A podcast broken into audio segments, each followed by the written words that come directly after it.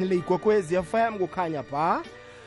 Ah www ikwekwezi fm co za khumbula-ke bona amahlelo wethu uyawathola ku-website yethu ngaphasi kwama-podcast. Ufike udownload ihlelo lelanga eh olufunako uzilalelele lona kamnandi uzigedlile. Sakha isitshaba-ke namhlanje-ke sakha isitshaba ngesintu la sikhambisana eh nomkhulu uvu simabunda siyahlola mlaleli kokwezi FM khumbula ke bona sihlola ngomtato ungangena emtatweni inomboro zithi 086 3003278 086 3003278 ungena kwakho kutsho bona uyavuma ukuthi umkhulu uvusi mabunda akuhlole indaba zakho zizwakale uyakuvumela lokho.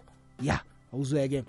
Khona kumkhulu khe ngimamukele eh mkhulu sikwamukele kugogwez FM thokozani thokozani bogogo nomkhulu igama nguvusi umabunda umhlabe umabunda omuhla kacala umuntu ubheka bonke abamcala igojana lamanzi uvusimuzi kangomayeza uvusimuzi ovusa imizi yamadoda. Namhlanje ngizovusa wakho umuzi eh mindlo lava siphinde sahlangana futhi mfu ebusuku soyenza esidume ngako awuzweke. Eh sifikile nje cathatha njengesigadangelwane mfu sizosebenza awuzweke. isikhathi sakhona phambi kobana nje sithome nje okuningi aye ngizobani bakhulumisa indaba amakhandlela. Ah amakhandlela la asebenzani ekukhulumeni nedlozi nemibala yakhona itsho ukuthini? Eh amakhandlela wena mkhulu sizothola ukuthi ayahluka ikakhulukazi eh kukhona amakhandlela lawo okukhulumisa idlozi kukhona amakhandlela lawa eh wokukhulumisa izitha. So eh mkhulu amakhandlela lawa ayahluka vele ngoba elimhlophe sonke siyalazi ukuthi ikhandlela elimhlophe eh yileli elikhanyisa izinto zakho nelikhanyisela idlozi lakho. Bese kube khona leli eliyelo eliyelo elakibo ma wakho nakibo baba wakho kusho ukuthi leli eliyelo lihlanganisa amadlozi oyi-2 lakomalume nasekhayakini lapho ozalwa khona. Bese kube khona leli eli-red. Eh eli-red ke lelo siyalisebenzisa for izitha ekakhulukazi vele elezitha wena mkhulu ngoba abanye bahamba bese bafake nenongwana phakathi laphayana kuleli li-red mase basebenzisa kahle sobalikhulumisa kodwa manje ya eh bese kube khona la weyithunywa mkhulu eh kube ugreen no blue eh fake ithunywa namanzi lelo. Uyabona? So amakhandlela kakhulu lawo mkhulu asetshenziswayo kakhulukazi mina ngithanda ukuthi umuntu makasebenzisa ikhandlela asebenzisa ikhandlela mhlambe eliyelo nelimhlophe yilo ngoba yilona ehlanganisa idlozi eh elomuntu. Ngiyabona kuyazwakala ki ileyo ndawo. Yebo. Banenge abantu engikhe ngabezwa bakhulumisa yona indaba amakhandlela le yokukhulumisa umuntu akhona ukukhulumisa idlozi lekhabo. Ya liyakhuluma mkhulu especially ngale khandlela eliyelo. So ikhandlela eliyelo alisebenzi kakhulu lilodwa lihamba nekhandlela elimhlophe. So uyabona uma uphethe lelo ukhanyisela idalwa zakho. So futhi kunendlela yokwabeka ngoba leli eliyelo liba ngaku-left. Shuthi uma wabhekile so phambi kwakho eliyelo liba ngaku-left bese eli-white liba ngaku-right. Then bese-ke uzothi uma so-eda amakhandlela wakho ede-ke kanjalo kanjalo kanjalo. Mhlawumbe like eli-blue if umuntu weyithunywa so yabona but eli-red lona akumelanga lisale. Eh uma mhlambe umuntu osebenza ngabantu into ezinjalo akumelanga lisale ngoba izitha zihlezi zikhona. So njalo uma ukhulumisa idlozi lakho nazo izitha ziyakwazi ukuthi nazo bese ziyadeda nazo yabona? Noma kuvela ukuthi ubani isitha sakho. Iyazwakala kuleyo ndawo ku-086 0003278 086 0003278 ngena-ke emlaleli kokwez FM khoneke umkhulu uvusi mabunda. Akukhona ukuhlola ubunqopha kulomhajo ikwekwezi FM ukungena kwakho kutsho khona bona uyavuma bona umkhuluma bunda akuhlole bunqoba sesinezinto ezibizwa ngabo eh ukuvikeleka kwelwazi lomuntu. Ya ukungena kwakho kusho ukuthi uyavuma ukuthi ilwazi lakho lizwa. Iye kufanele sikhulume lokho akukho la usayina khona netjubamba ukungena kwakho uyasayina usayinile ukuthi uyavumela ukuthi ilwazi lakho khone ukuthi lilabelane nabanye abantu. Awuzweke siyathokoza. Le ikokwezi le lotshani? Ikokwezi le lotshani? Eh makutala kunjani baba? Sikhona kunjani baba? Yaphila. siyathokoza Eh, unjani umkhulu lapho? Thokoza gogo. thokoza gogo njani Hayi siyaphila kunjani gogo? sivukile ba Ah, ngicela nje ungihlabe baba benze nabezwayo. Ngicela nje ungihlabe. ya Uma noJabu. eh Jabu njoba usakhuluma la ngibamba izinto wena mkhulu eh ebekumele ngabe namanje sithi izinto ozisondeza edlozini wena mkhulu ngoba lithi idlozi kahle kahle wena mkhulu yilo muntu ohamba kube ngathi bayakupha ekhaya kini kodwa manje wena uhambe bese unga ungabuyiseli noma mhlambe ungabongi edlozini wena mkhulu ngoba masithi siyayibuka lento ngelihlo lomoya uthi umoya engcwele wena mkhulu kunezinto noma izipho abakuphe zona kakhulu edlozini lakho wena mkhulu ekhaya kini ngoba kunengozi ebekumele ngabe wena sithi wangena ngaphakathi kwayo wena mkhulu unyaka odlule wena khehla ithi inkulumo yasezulwini wena mkhulu kunezinto lana wena mkhulu ebekumele ngabe namanje uyazamukela kodwa manje unohamba ube umuntu engathi namanje awubongi edlozini ngoba ngizwa sebangathi namanje bafisa ukuthi bangakuthatha okunye wena khehla ngoba namanje wena mabathi bayakupha wena kuba ngathi namanje uhambela kude nabo wena mkhulu. Angazi mina ukuthi yini lento engizwa kodwa uthi umoya ingcwele wena mkhulu bekumele ngabe sithi namanje thina uma sikhuluma sikhulume ngokuthi kukhona le hlobo lemoto ebekumele ngabe namanje kuba yimoto entshe bekumele ngabe uphathiswa yona wena mkhulu. Kodwa manje ithi inkulumo sezulwini bahamba bakupha baze bakupha nomsebenzi wena mkhulu waba umuntu ongathi namanje awubongi wena mkhulu. Kodwa manje ngizwa iy'nkinga ezihamba ngathi namanje ziyakulandela wena khehla ngoba ngizwa umsindo sengathi namanje lowo msindo lowo umsindo ovela ngabantu wena mkhulu ngoba lento izohamba kube ngathi namanje kulethela izitha sengathi namanje uzohamba kube ngathi kuba khona lento abahamba bakutshontshela zona ekhaya lakho wena mkhulu nawe uma usathi ukhona ngoba ithi inkulumo yasezulwini bekumele ngabe wena uyabonga edlozini wena mkhulu ngoba kukhona abasafisa ukukupha kona. Kodwa manje uma ngithi ngiyayibuka ithi inkulumo yasezulwini wena mkhulu idlozi lakho leli elikhulu lakuboma wakho wena mkhulu lihamba bese kube ngathi namanje liyadikibala phezu kwakho wena khehla. Nawe uma usoloko uthi ukhona wena mkhulu angazi mina ukuthi yini lento engiyizwayo kodwa ithi inkulumo yasezulwini wena mkhulu bekumele ngabe sithi uma siyobonga kodwa kube khona leli lesalukazi sihamba bese siyasiphakamisa. Phezu kwakho wena mkhulu sithi uma sisiphakamise siphakamise ngendlela yokubonga kodwa sithi uma sibonga sibonge ngathi siyacela. Kodwa kunetiya ebekumele ngabe siyahamba thina siyolenza kodwa silenze ekhaya kube ngathi namanje leli tiya silenza ngendlela yo- yokuthi siyabonga ngapha siyacela wena mkhulu ngoba kukhona abafisa ukukupha kona ngoba namanje mawuloko wena uthi ukhona wena mkhulu hamba phakame i- i- amakhehla wangapha kubobaba wakho. Ngoba namanje athi mawaphakama kube ngathi namanje yebo vele wona ahamba ayabambana namadlozi wakini wakoma wakho ngoba mangithi ngiyayibuka lento ithi uthi umoya engcwele vele wena mkhulu wena idlozi lakho wena likuthandile kakhulu kangangokuthi namanje bekumele ngabe thina sithi yonke into oyithintayo wena mkhulu iyiphenduka ngendlela wena ofisa ngayo kodwa manje lento ihamba besishaya edlozini kube ngathi namanje wena mkhulu uhambela kude nasedlozini angazikhuluma nami ngizwe mkhulu Hayi ngiyakuzwa ngiyakuzwa. Hayi anga- angazi ukuthi fanele ngenze njani.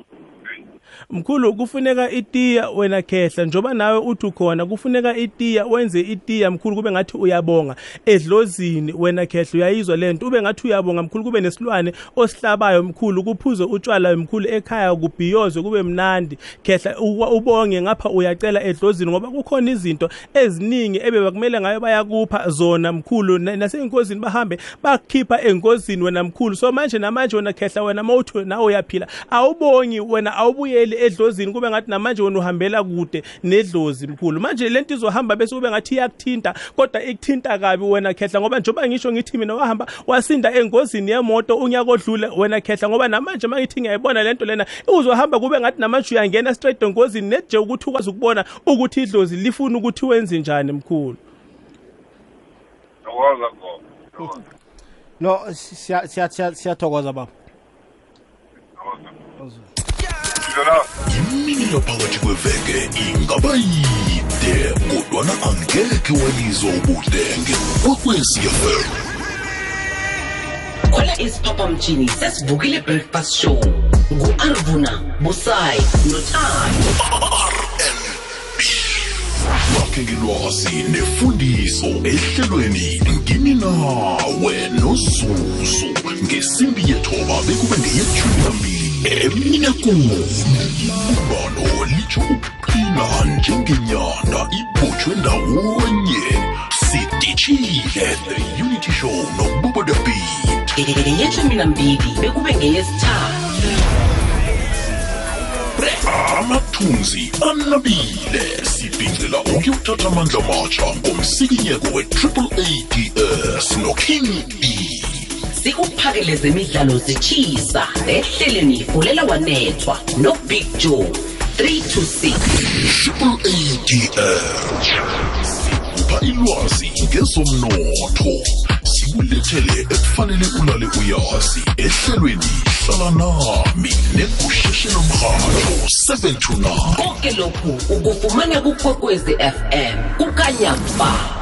nambala le ikwekwezi fm kukhanya ba ibali ichumi nethoba imizuzu ngaphambi kobana nakubethe isimbi yechumi nanye khambisana nomkhulu uvusi mabunda la ku-086 000 3278 086 mkhulu singamdobha omunye? Singamdobha omunye? Singamdobha mkhulu. Uzweke igogwezi lelo chani lotsha makotala ninjani baba siyaphila ngithokozela ugogo lapho Thokoza, siyathokoza. thokoza.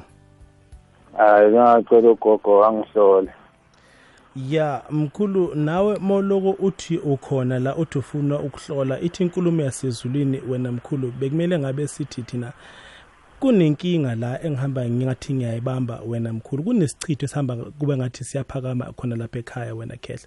Ithi inkulumo yasezulwini wena mkhulu kuzoba khona isimo lana sengathi namanje uhamba kube khona unkosikazi ngathi uyakushiya ekhaya noma kube ngathi wena mkhulu uzithola uwedwa emhlabeni ngoba ithi inkulumo yasezulwini kunesichitho esihamba bese kube ngathi siyaphakama ekhaya ngoba lento ihamba kube ngathi yisilwane esihamba bese siyavuka ekhaya. Ngizwa kuyashisa wena mkhulu ekhaya sengathi namanje wena khehla bewumuntu wena engathi namanje ungahamba kube ngathi ungahlanganisa amadoda nehlanganisa amakhanda wena mkhulu ngoba ngizwe inyembezi ezihamba kube ngathi namanje ziyotsenga phezu kwakho wena mkhulu. Yazi uma ngithi ngiyamamela uthi umoya ingcwele wena khehla bekumele ngabe sithi uma sithi siyakhuluma nawe kodwa manje sibambe ikhaya lakho ngoba bengithi ngiyayibuka ithi uthi umoya ingcwele ikhaya lakho kufana neground sengathi namanje bekumele ngabe siyahamba siyofaka abantu abadala wena khehla ngoba uma ngithi ngiyayibuka lento wena mkhulu kuhamba kube sekuphakama wena into eyisilwane kodwa ithi uma seyingena lapha ekhaya ingene sengathi namanje izobhidliza wena mkhulu ngoba ngizwa wena mkhulu sengathi namanje kunamacala noma izindaba uhamba kube ngathi namanje ungena ngaphakathi kwazo khona ekhaya wena khehla ngoba ngizwa wena sengathi namanje wena mkhulu uzohamba kube ngathi uzithola uwedwa qobe wena mkhulu. Uma uthi yaphila nawe. Ithi inkulumo yasezulwini bekumele ngabe sithi uma sibamba sibamba umuntu ohamba bese ngathi uyakubhidlizela izinto zakho. Manje ithi inkulumo yasezulwini kuhamba bese kuphakama idlozi kodwa kube idlozi lasekhaya kini straight kubo baba wakho ngoba namanje mangithi ngiyayibuka ithi inkulumo yasezulwini bekumele ngabe siyahamba siyobalanda kodwa sithi uma sibalanda wena mkhulu sibalande ngembuzi kodwa uma sibalanda mkhulu kube khona amanye amalunga omndeni angabi khona wena khehla ngoba le nkulumo wena mkhulu kahle kahle kuyinto yokuthi namanje kuhamba kube khona umbango noma impi ehamba bese ngathi iyavuka kube ngathi kunenhlambuluko bekumele ngabe siyayibamba straight ekhaya wena mkhulu ngoba kukhona inkulumo ebekumele ngabe namanje sithi uma sesiziphakamisa wena mkhulu kube ngathi namanje kuba khona abantu bekumele ngabe sibahlalisa phansi wena khehle ekhaya ngoba kukhona indaba ebekumele ngabe sihamba siyayixoxa sengathi namanje wena mkhulu kukhona abantu bekumele ngabe bahamba kube ngathi namanje bayaxolelana. Ngoba manje ithi maseyikhuluma lento ithi maseyifika wena mkhulu sihambe sibamba abantu kodwa kuba abantu engathi abasekho emhlabeni ngoba sibambe impi eya- eyahamba engathi iba khona straight ekhaya wena mkhulu nawe usathi ukhona mkhulu ithi inkulumo esezulwini lento ihamba besiphakame njengomkhokha straight ekhaya sengathi namanje kuba yinto ebhidlizayo ngoba mangithi ngiyakubuza uthi umoya encwele cha nemali vele ayikho wena mkhulu ngoba nenjabulo ihamba kube ngathi into kuba yinto encane straight phakathi kwekhaya wena mkhulu ngoba mangithi ngiyabuka uthi umoya encwele wena khehle kumele ngabe siyabamba kodwa sibambe injabulo straight enkonzweni yasekamelweni kube ngathi namanje amandla ahamba yaphela wena mkhulu kube ngathi namanje ungahamba ube umuntu ocoshe imbiza lapha nalaphayana kube ngathi uyaphuza. Mkhulu uthi uyalungisa isimo angazikhuluma nami ngizwe mkhulu. Hayi liqiniso mkhulu manje ngiyenza kanjani le nto yokuthi idlule? Mkhulu kuze kumele ngathi kungalungiswa ikhaya lakho kodwa lithi malungisa ikhaya lakho wena mkhulu bese ufaka abantu abadala mkhulu ngoba lento izohamba ibe inkinga wena khehla kodwa manje kuyomele ukuthi kube khona inhlambuluko eyenzakalayo phakathi ekhaya mkhulu kodwa ngoba mayithi ngiyayibuka namanje kukhona amanye amalungu emndeni bekungamelanga ngaba yasondela straight ekhaya ngazi mina kanjani mkhulu? Yazi hayi liqi- liqiniso mkhulu. Uma ngizenzela mina ngenza kanjani? Yazi ngicabanga ukuthi nikhulume ngale komoya uthatha inomboro zakhe nikhona ukukhulumisana niqede kuhle baba. Hayi sibonge makhuthana okay uthatha inomboro baba yebo. Awuzweke le ikwekwezi lelo tshani igogwezi lotshani menzo lapho. Kunjani baba? Yavuka njani? Siyavuka baba eh mm. baba umkhulu angisole kunjani mkhulu? Yaphila mkhulu kunjani? Ngiyaphila mkhulu kodwa manje kuba ngathi into zakho uzithatha ngamawala. Uthi uma uvela uvele njengomuntu ongakwazi ukubekezela. Uthi uma uvela uvele njengomuntu engathi uhamba uphakanyelwe ulaka wena mkhulu ngizwa ulaka ohamba ngathi liyavuka phezu kwakho wena mkhulu. Nawe uma usathi ukhona yazi ngizwa sengathi namanje wena mkhulu ungaba umuntu wena ozohamba kube ngathi namanje abantu abakuthandisisi kahle ngoba ngizwa ulaka phezu kwakho mkhulu ngoba nokubekezela kuhamba kungabi khona mkhulu. Ithi inkulumo yasezulwini nanoma ngabe idlozi liyafisa ukukupha nanoma ngabe uNkulunkulu uyafisa ukukupha ithi inkulumo wena umuntu ohamba kube ngathi namanje ukubekezela awunako wena khehla ngoba ngizwa inhliziyo encane. Sengathi namanje kuhamba bese kuvuka ikhehla phezu kwakho ikhehla evele elalifana nawe lalinenhliziyo encane wena mkhulu ngoba mangithi ngiyayizwa lento. Izohamba bese kube ngathi namanje ikulethela izitha phezu kwempilo yakho ngoba namanje mangithi ngiyabuka kodwa ngibuka obumnyama. Sengathi namanje buhamba buyakulandela. Buthi mabukulandela wena khehla kube ngathi namanje singavika kodwa sivike umphakathi bese siphinde sivika amaphoyisa mina mkhulu angazi ngoba mangithi ngiyayizwa. Le nkulumo yasezulwini wena khehla ithi bekumele ngabe wena namanje sithi umuntu ozwana nokulinda wena khehla ngoba awulindi. Awukwazi ukubekezela wena mkhulu nolaka luhamba bese kube ngathi liyavuka phe kwakho. Angazi ukhuluma nami ngizwe mkhulu. Akunjalo mkhulu ngiphelelwe ishiziyo ya. Neshiziyo enciyana ya mkhulu inhliziyo encane izohamba ikufake ey'nkingeni ngoba ngelinye lamalanga uzozithola uwedwa empilweni yakho wena mkhulu ngoba lento izohamba ekulethele iy'nkinga ezinkulu kunalezi ezikhona manje khela ya ngahelebheka kanjani mkhulu? Hey mkhulu le yenhliziyo encane mkhulu kuzomela ukuthi leyo khehla uthi ukuzibheka wena mkhulu kube yinto oyikhulekisayo kakhulu mkhulu ngoba namanje noma ungathola lawo makhandlela ebesikhuluma ngawo ekucaleni mkhulu uyikhulekise lento lena ngoba nanoma ngabe idlozi lakho liyafisa ukukupha angeke likuphe ngesikhathi wena ofisa ngaso ngoba wena umuntu ofuna into manje kodwa isikhathi sedlozi asifani nesikhathi sethu sasemhlabeni mkhulu. Awu ngiyathokoza mkhulu. Siyathokoza baba. Uzweke. Kokwezi lotshani akwandre mkhathi kunjani? Sikhona njani baba? Nathi sikhona. Bengibaba uguga kangi-check-e ukuthi ngijame njani.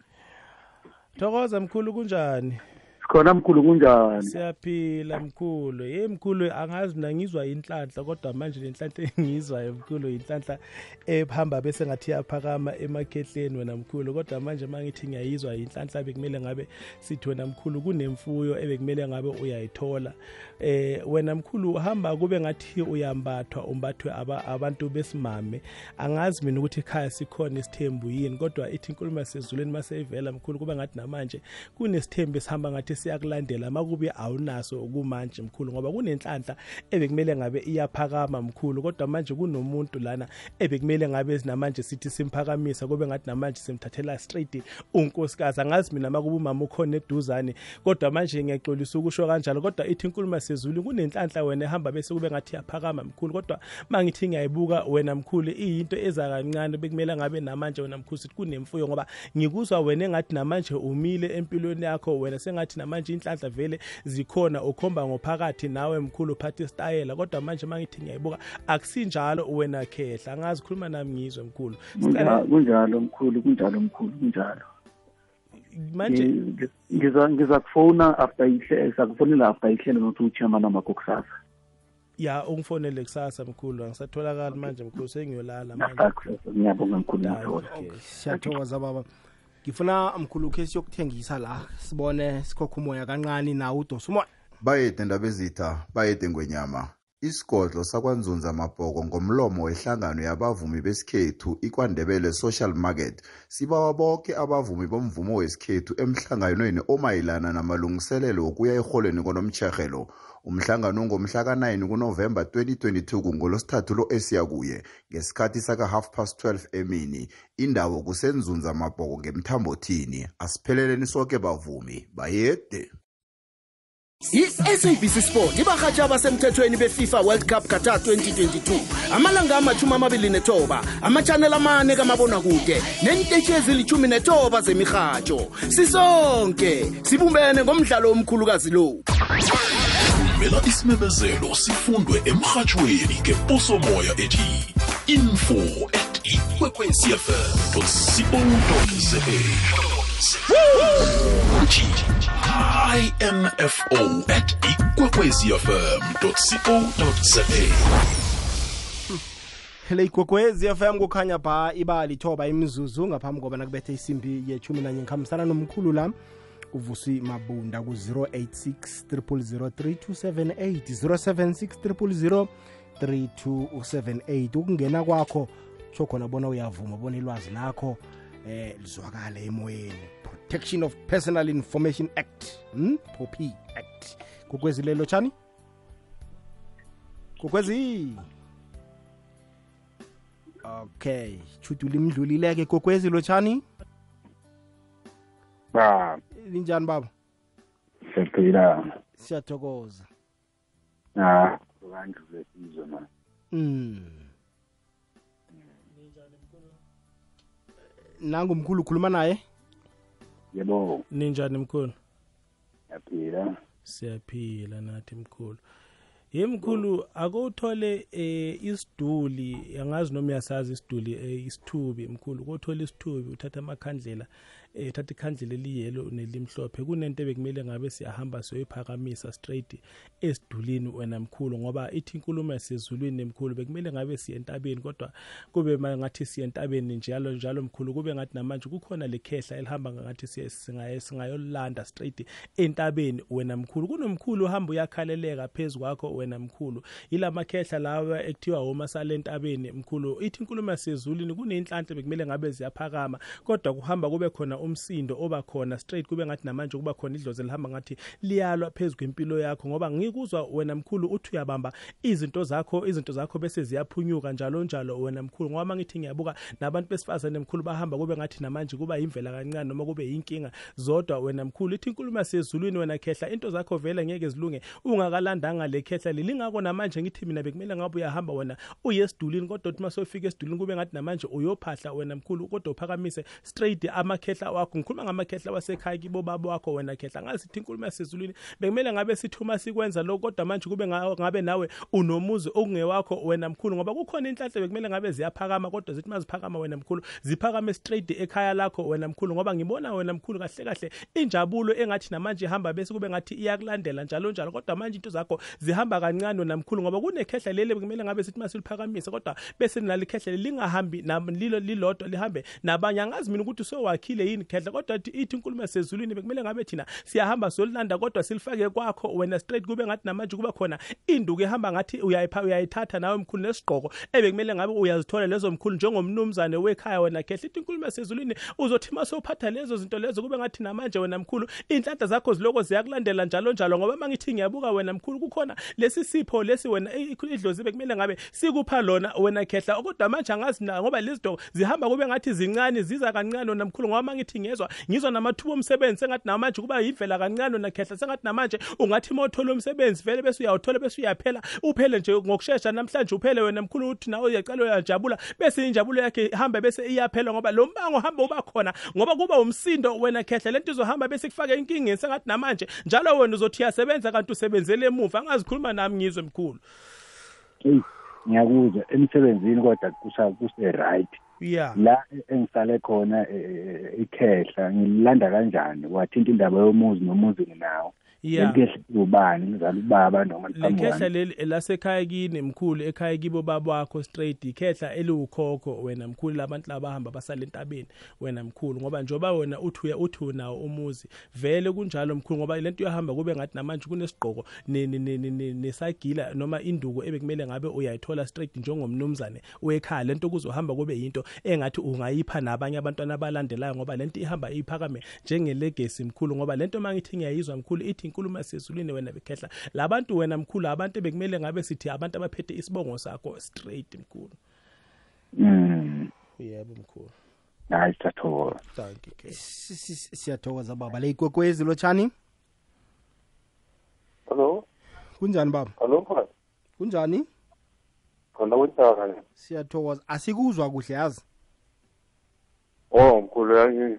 Phela ngiya- ngiyakuzwa mkhulu. Mhlambe network le mkhulu. okay khuluma nomkhulu Eh mkhulu sacela. yemkhulu kuno kunomeqo la ebekumele ngabe siyawubamba kunokugula lana wena khehla engizwa kuhamba ngathi kuyakubamba wena khehla kunomeqo wena mkhulu kodwa kube umeqo engathi namanje bekumele ngabe uzenza i-stroke wena mkhulu. Angazi noma uyangizwani wena mkhulu. Ithi inkulumo esezulwini kunokugula ekuhamba ngathi namanje kuyakulandela kancane kancane wena khehla ngoba mangithi ngiyakubuka ngikubuka uhamba kodwa manje kube ngathi namanje uzohamba kube ngathi uyaqhugeza wena khehla ngoba mangithi ngiyayizwa lento kunabantu abahamba kube ngathi bayakuthalela wena mkhulu njengoba ulele kuhamba kube khona abantu engathi abalali ebusuku wena mkhulu. Abantu bahamba ngathi bakufuna phansi wena mkhulu angazi mina yangizwane mkhulu ngoba ithi lento bekumele ngabe siyavika kodwa sithi uma sesifika ngazi mina ukuthi seyahamba yafika lento kodwa ithi inkulumo sezulwini kuzohamba wena mkhulu kube ngathi kune-stroke esihamba ngoba ngathi siyakushaya wena khehla ngoba kunombango ebekumele ngabe thina siyawuphakamisa lana mkhulu ngoba kunabantu ebekumele ngabe thina sithi wena khehla siyabasondeza eduzane kwakho sibabuze ukuthi ngabe kwenzakalani ngoba wena khehla mangithi ngiyayibuka ithi inkulumo sezulwini vele labantu abantu abaseduzane kuwena mkhulu ngoba abantu vele wena othi uphila nabo wena mkhulu ngoba kunento ehamba kube ngathi namanje iba yimpi noma kube umona ohamba bese ngathi uyavuka phezu kwakho wena mkhulu abantu bahamba kube ngathi namanje bakutheyela izinto. Straight wena mkhulu lapho nothi uhamba khona bakutheyela izinto ngoba namanje mangithi ngiyabuka nobuthongo abehli wena mkhulu ngoba ngithutho ngithuzwa namaphupho. Sengathi namanje kumele ngabe thina siyafika kodwa sivuka amaphupho amabi ngoba uhamba bese kube ngathi namanje uyabona emaphupheni kodwa manje amanye amaphupho ahamba bese kube ngathi uyawakhohlwa mkhulu. Angazi khuluma nami ngizwe mkhulu. Eh mkhulu uqinisile kunjalo ukusho konke mkhulu. kunjalo mfu Akunjalo mkhulu. Angazi kulashwa yini mkhulu. Eh ichabekile. hayi. Uzongithinta esayidini mkhulu? Uzongithinta esayidini ngoba manje sobe sigcine bese kube ngathi siyathwasisa wena khehla ngoba ngeke sikwazi ukuthi sizikhulume zonke la wena khehla. Eish nkosi yami. No u- u- uza kuthatha inomboro baba. Okay okay mkhulu ngiyabonga. sesizoyivala mlaleli gogwezi lelo tshani. Thokoza gogo. Thokoza ka thokoza. Khuluma baba. ye bengiba umgogo kangikhulu kangisole. Danki mkhulu njoba uthi ufuna ukuhlola nawe mkhulu siyayizwa lento kodwa manje into engihamba bese kube ngathi namanje ngiyayibamba.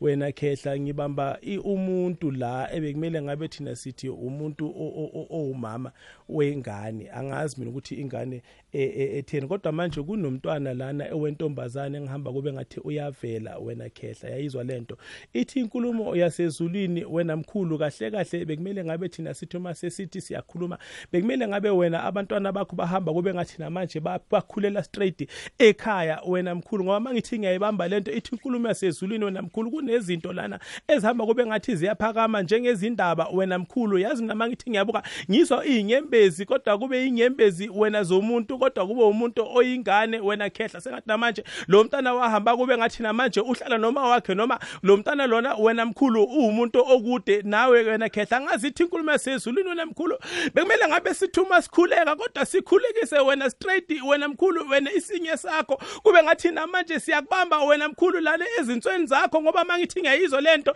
ihamba kube ngathi kuba nobuhlungu wena mkhulu sengathi namanje kuyohamba kube kuphakame ngathi kunama-kidney wena mkhulu ngoba mangithi ngiyayibuka lento ithi inkosi uyikhuluma sezulwini bekumele ngabe kunembiza manje bekumele ngabe siyayithola kodwa masithi masiyithola kube ngathi kuba yinto eyumvusa nkunzi wena ngoba lento ehamba kube ngathi iyashaya wena mkhulu ishaye inzalo yakho wena khehla ngoba mangithi ngiyayibuka lento ithi ikhuluma sezulwini wena inzalo yakho iyadliwa wena mkhulu kunomdliwa. Ohamba bese ube ngathi namanje udla straight inzalo yakho wena mkhulu ngoba njalo wena umuntu ukhona. Ngizwa wena uthi uyazijabulisa nawe mkhulu kodwa ngizwa akujatshula mkhulu akujabuleki ngoba nenhliziyo ihamba bese ube ngathi iyaphela mkhulu. Angazikhuluma nami ngizwe mkhulu.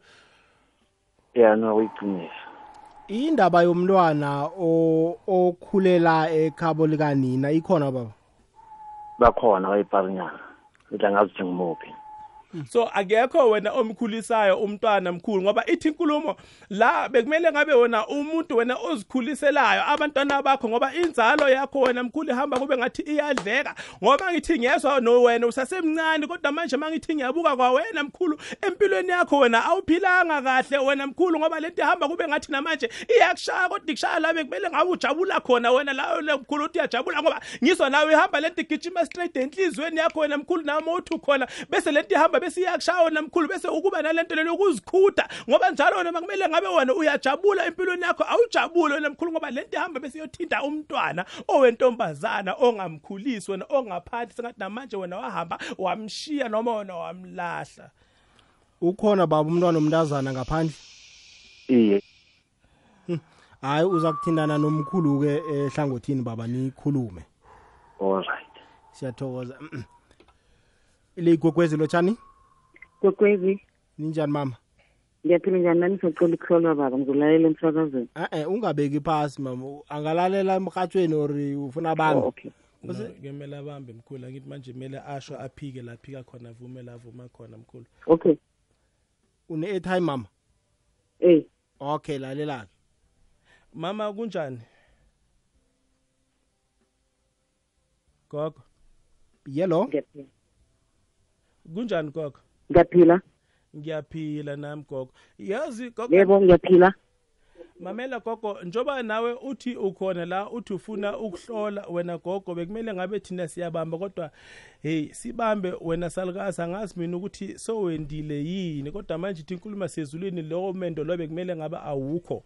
Ngoba masithi siyayibamba lento lena sihamba sibambe wena ke wena gogo sihambe sibamba ngathi kuno kunenkinga la ezikhona kodwa le inkinga ezikhona inkinga wena owahamba kube ngathi uzalelwa kizo uyayizwa lento na gogo? Kuba ngathi namanje kwaba khona inkinga wena ngathi namanje wathi mawuzalwa azange uzalelwe endaweni right noma azange uzalelwe ngesikhathi esiright ngoba ngezwe inkinga wena gogo sengathi namanje wathi uma asakhuma makho asakhulele wena kwaba nomeqo noma kwaba nokushayeka okukhona wena gogo? Ngoba ngithi ngiyayibuka lento ihamba ibe inkinga sengathi namanje lento iyayizohamba ilandi ibambe straight emshadweni wakho wena mawuthi wena nawe uthi ufuna umshado ithi inkulumo bese kuba hamba kube khona inkinga sengathi ungahamba bese kube ngathi ungaphuma namanje ngoba mangithi ngiyayibuka lento vele iyimvela kancane lento ewumshado iyinkinga wena gogo ngoba inkomo ziyafika bese ziyajika gogo ngoba nanoma wena uthi wena uyazibambela kodwa kuhambe kube khona lokhu ngathi kuyaphunyuka wena gogo ngoba mangithi ngiyezwa ngizwa wena wena gogo sengathi namanje kuhamba kuphakame khona u- u- i- izimpi ezihamba zibe khona ngoba namanje mangithi ngiyayibamba lento kwawena wathi uma ukhula zange ukhule ngendlela e-right wakhula ngendlela ebuhlungu noma ngendlela enzima ngoba mangithi ngiyayizwa lento inkulumo sezulwini ithi wena gogo bekumele ngabe thina sibamba iy'nyembezi kodwa kube iy'nyembezi zakudala sengathi namanje kwaba yiy'nyembezi kahle kahle ezahamba zadalwa umuntu kodwa kube umuntu osemndenini ngoba wena wathi wena usa- usa- usazozalwa nawe kwaba khona lezi inkinga eziba khona straight phezu kwamama okuzalayo wena sengathi namanje lo mama wathi ma ekuzala bekumele ngabe wena mhlambe awukho kwamanje emhlabeni ngoba lento ihamba bese iba yinkinga ngoba ngizwa ukukhala ngizwa nokugedla kwamazinyo phezu kwakho wena gogo. Sengathi namanje uhamba ube umuntu ozibuzayo ukuthi ngabe mina impilo yami izohamba ibe nje kuze kufike kuphi? Gogo khuluma nami ngizwe nje ukuthi sasekhona ungathini baba eh, maki lokhu abakhulumileko? Eh angazi kukhona akukhulumileko namkha bowungakwazi wena? Eh ngathi akukhulumileko konke angikwazisisi kahle. Oh. Ngizabuza abadala mm. okay mama. Hayi mama siyathokoza. Okay thokoza siyathokoza. Mkhulu uh, asivale sichiye inomboro zethu?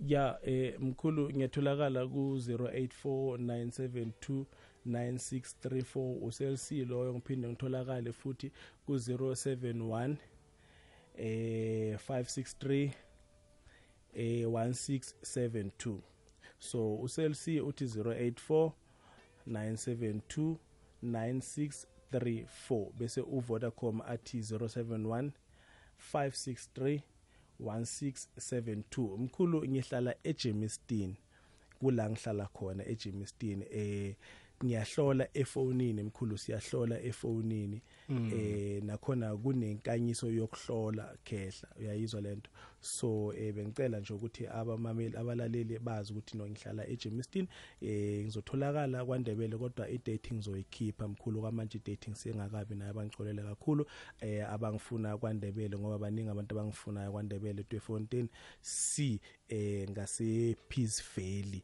So kula ngizobe ngitholakala khona. Abantu mhlawumbe mabangidinga then bazongifonela bangibuze then ngizobatshela ke i-date yokuya kwaNdebele mkhulu sithokozile ukuba nawe namhlanje siza kuba nawe godu ngokuzako thokoza mkhulu. Siyathokoza. Kutsho umkhulu la mkhulu mabunda sithembe bona usizekile mlaleli kokwez FM